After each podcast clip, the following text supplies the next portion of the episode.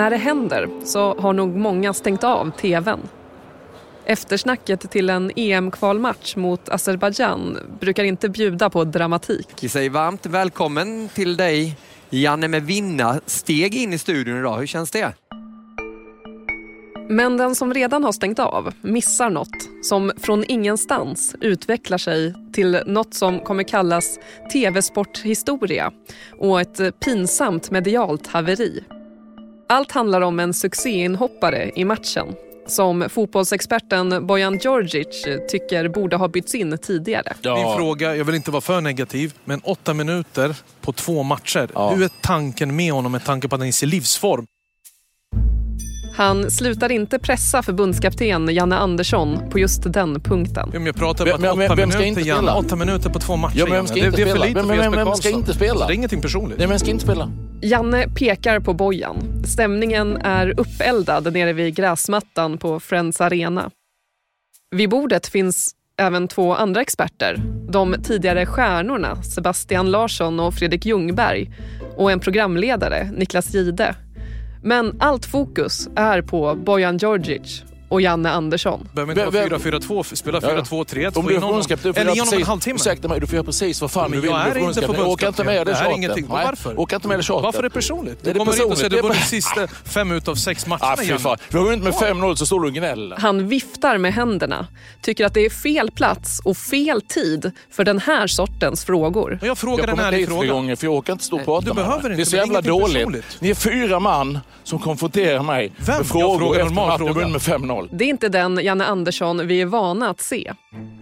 Men att förbundskaptenen har börjat bli pressad har gått att ana tidigare.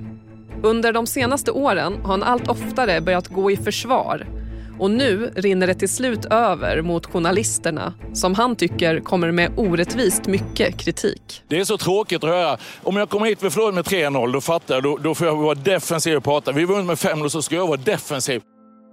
Hur hamnade en tidigare framgångsrik och älskad ledare här? Och går det att vara förbundskapten för Sveriges mest påpassade landslag utan att hamna i bråk med medierna? Fy fan vad dåligt. Inte gjort, Janne. Tack för idag. Vi ses en annan dag. Hej, hej. Det vi.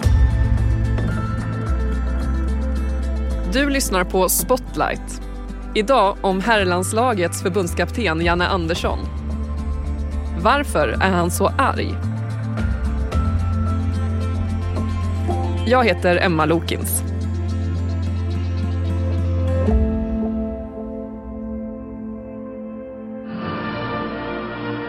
Hösten 2016 pyr ett försiktigt hopp i det svenska herrlandslaget i fotboll. På gräsmattan på Friends Arena står spelarna med armarna runt varandras axlar. Stjärnor som Zlatan Ibrahimovic har tackat för sig i landslaget. Men där finns eh, lagkapten Andreas Granqvist, målvakten Robin Olsen, Emil Forsberg, John Guidetti, Marcus Berg. Och vid sidlinjen Janne Andersson som sjunger med i Du gamla, du fria för första gången som förbundskapten. Det är den första matchen i kvalet till VM 2018 som ska spelas i Ryssland. Sverige möter Nederländerna. Och det börjar bra. Läget kommer här och Lobbe mål!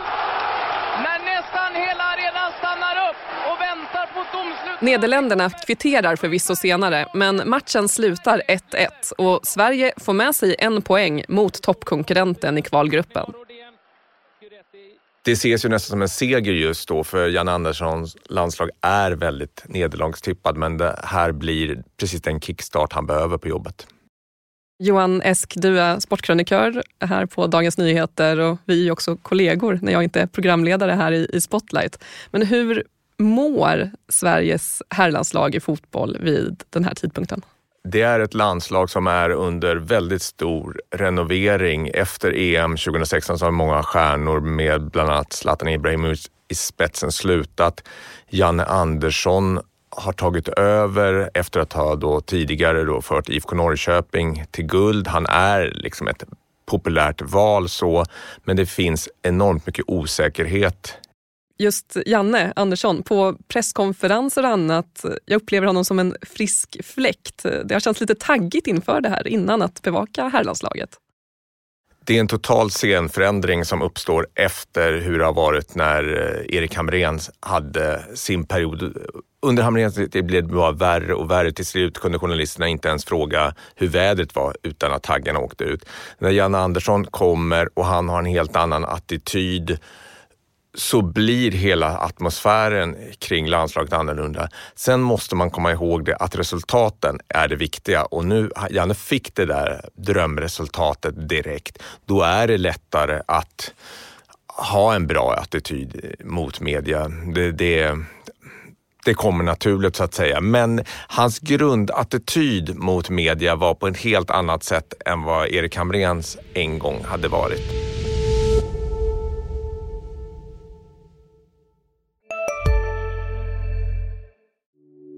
Hej, Ulf Kristersson här. På många sätt är det en mörk tid vi lever i. Men nu tar vi ett stort steg för att göra Sverige till en tryggare och säkrare plats. Sverige är nu medlem i Nato. En för alla, alla för en. Vi är specialister på det vi gör, precis som du.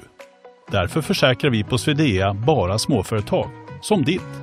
För oss är små företag alltid större än stora och vår företagsförsäkring anpassar sig helt efter firmans förutsättningar. Gå in på swedea.se företag och jämför själv.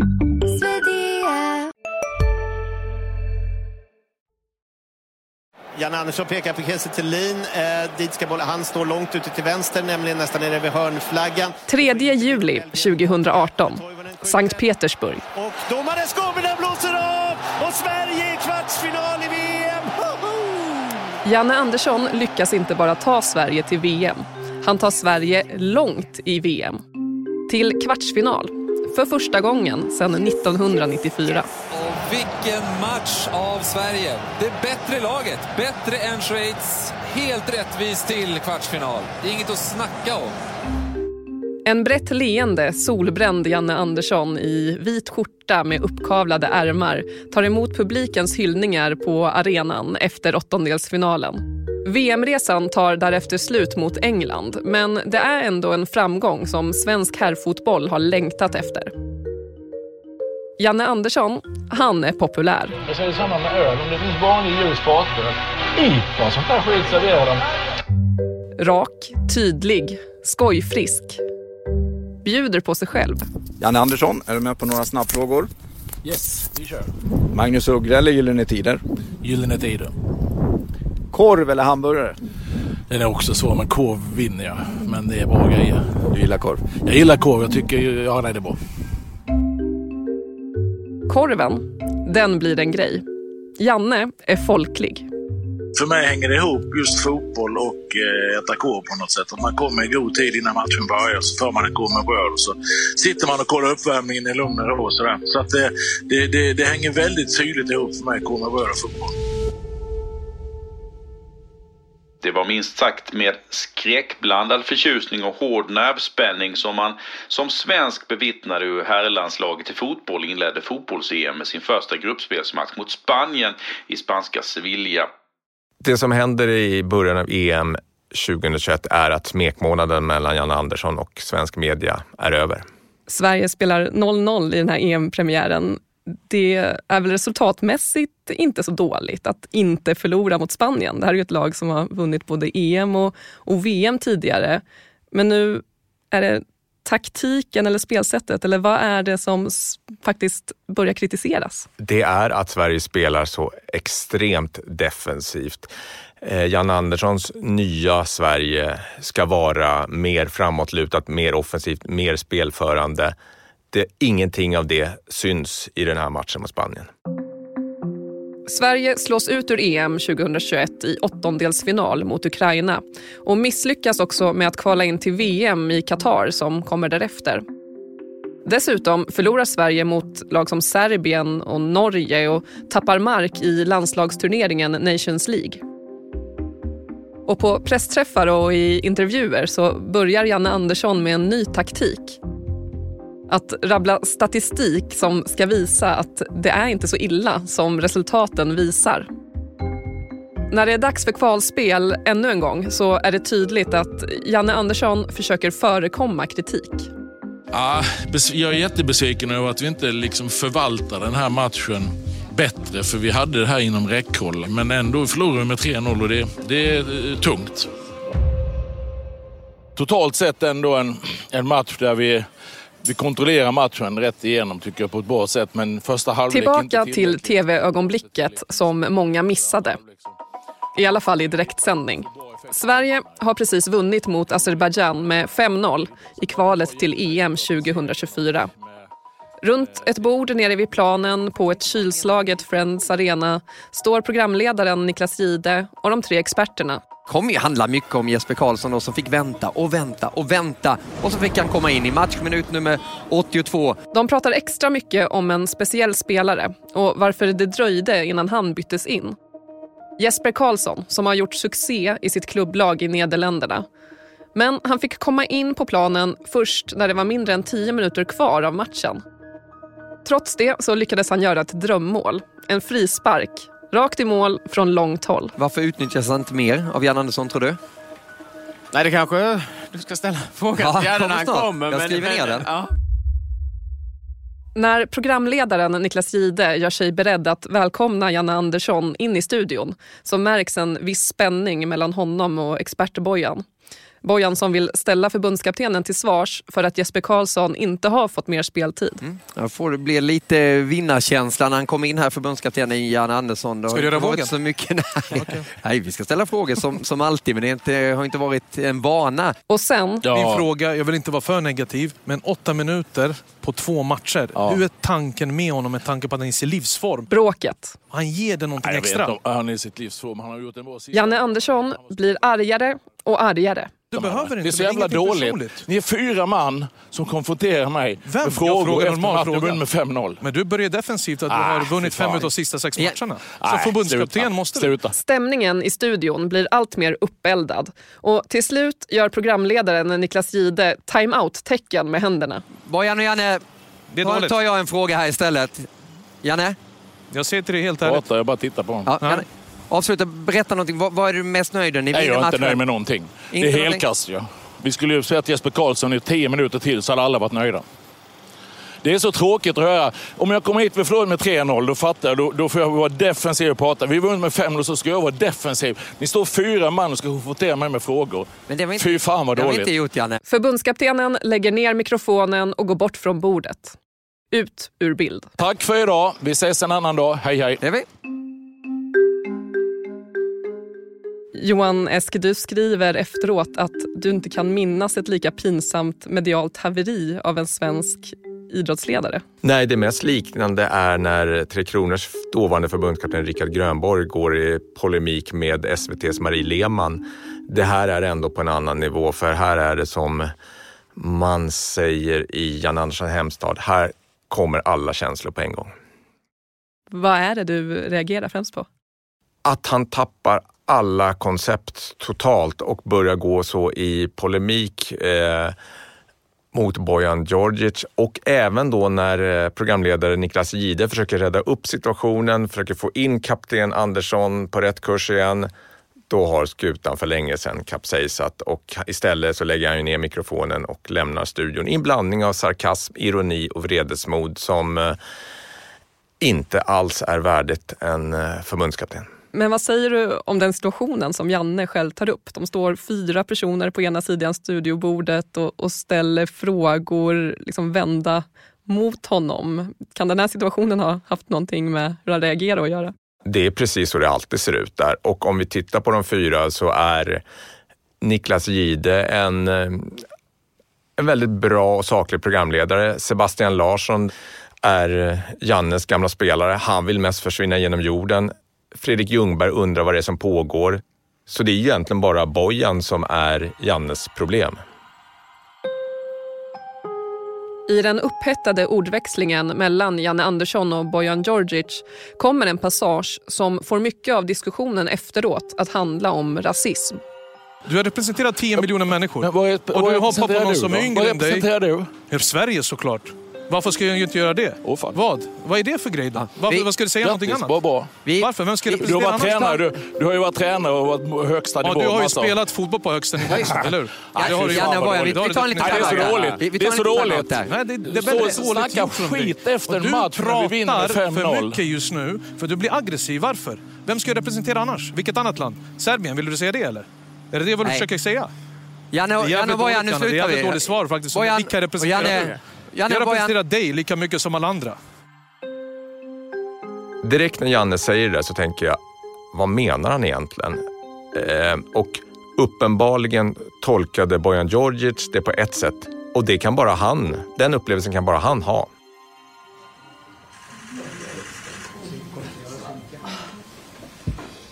Det ska egentligen inte vara någon pressträff dagen efter EM-kvalmatchen mot Azerbajdzjan. Landslagssamlingen är slut, spelarna på väg tillbaka till sina klubblag. Men uppståndelsen från kvällen innan, det som hände i Viaplays studio, har gjort att landslaget har fått lägga till en punkt i schemat. Då hälsar vi välkomna till presskonferens dagen efter 5-0-segern mot eh, Azerbajdzjan. Eh, välkomna hit. Janne, varsågod. Janne Andersson förklarar sig och orden som återkommer är att han är besviken på sig själv. Eh, Det var 86 landskampen och det, jag kan lova det kommer dröja 86 till innan jag kommer bete mig så dåligt som jag gjorde igår. Han tar också upp de diskussioner som har uppstått efter ordväxlingen där han frågar Bojan Djordjic Vem representerar du? Däremot den här tolkningen av att jag liksom, vem han representerar. Jag kan förstå med hans bakgrund, han tolkar det på ett sätt. Men alla som känner mig alla som vet vem jag är vet ju att jag hatar all form av översitteri, penalism, rasism och så vidare. Så att, att den tolkningen, där, där jag ber jättemycket om ursäkt om han har tolkat det så. Och det är jättetråkigt att det blev på det sättet.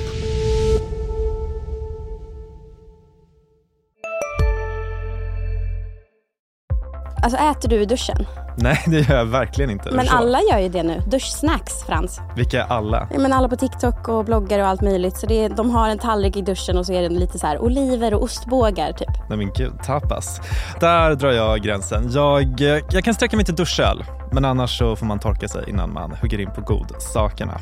Ja, men lyssna på Nära vänner, en podd med mig Fanny och dig Frans med Expressen. Viktiga nyheter. Hej, Synoptik här. Hos oss får du hjälp med att ta hand om din ögonhälsa. Med vår synundersökning kan vi upptäcka både synförändringar och tecken på vanliga ögonsjukdomar. Boka tid på synoptik.se.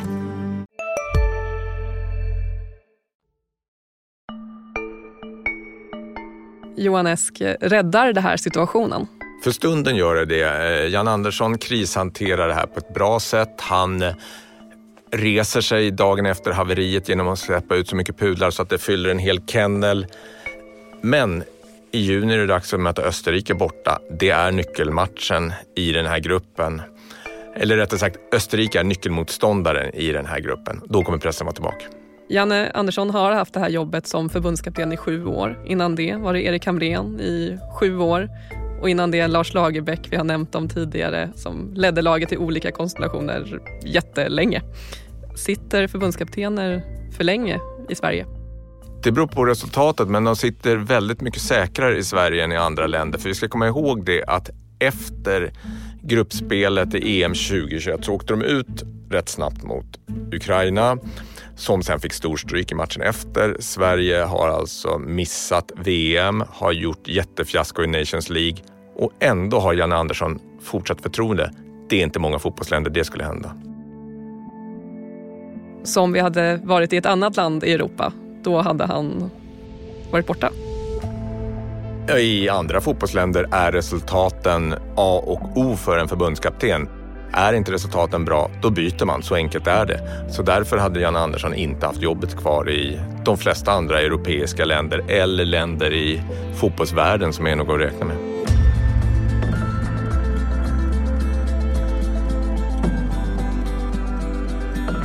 Du har lyssnat på Spotlight med mig, Emma Lokins. Producent var Marcus Morey Haldin. Exekutiv producent David Mer. Ljudtekniker Patrik Miesenberger. Slutmix Gustav Sondén. Originalmusiken är komponerad av Patricio Samuelsson. Och ljudklippen i avsnittet kom från Viaplay, Radiosporten, Aftonbladet, Discovery och TT Nyhetsbyrån. Ansvarig utgivare för Dagens Nyheter är Peter Wolodarski.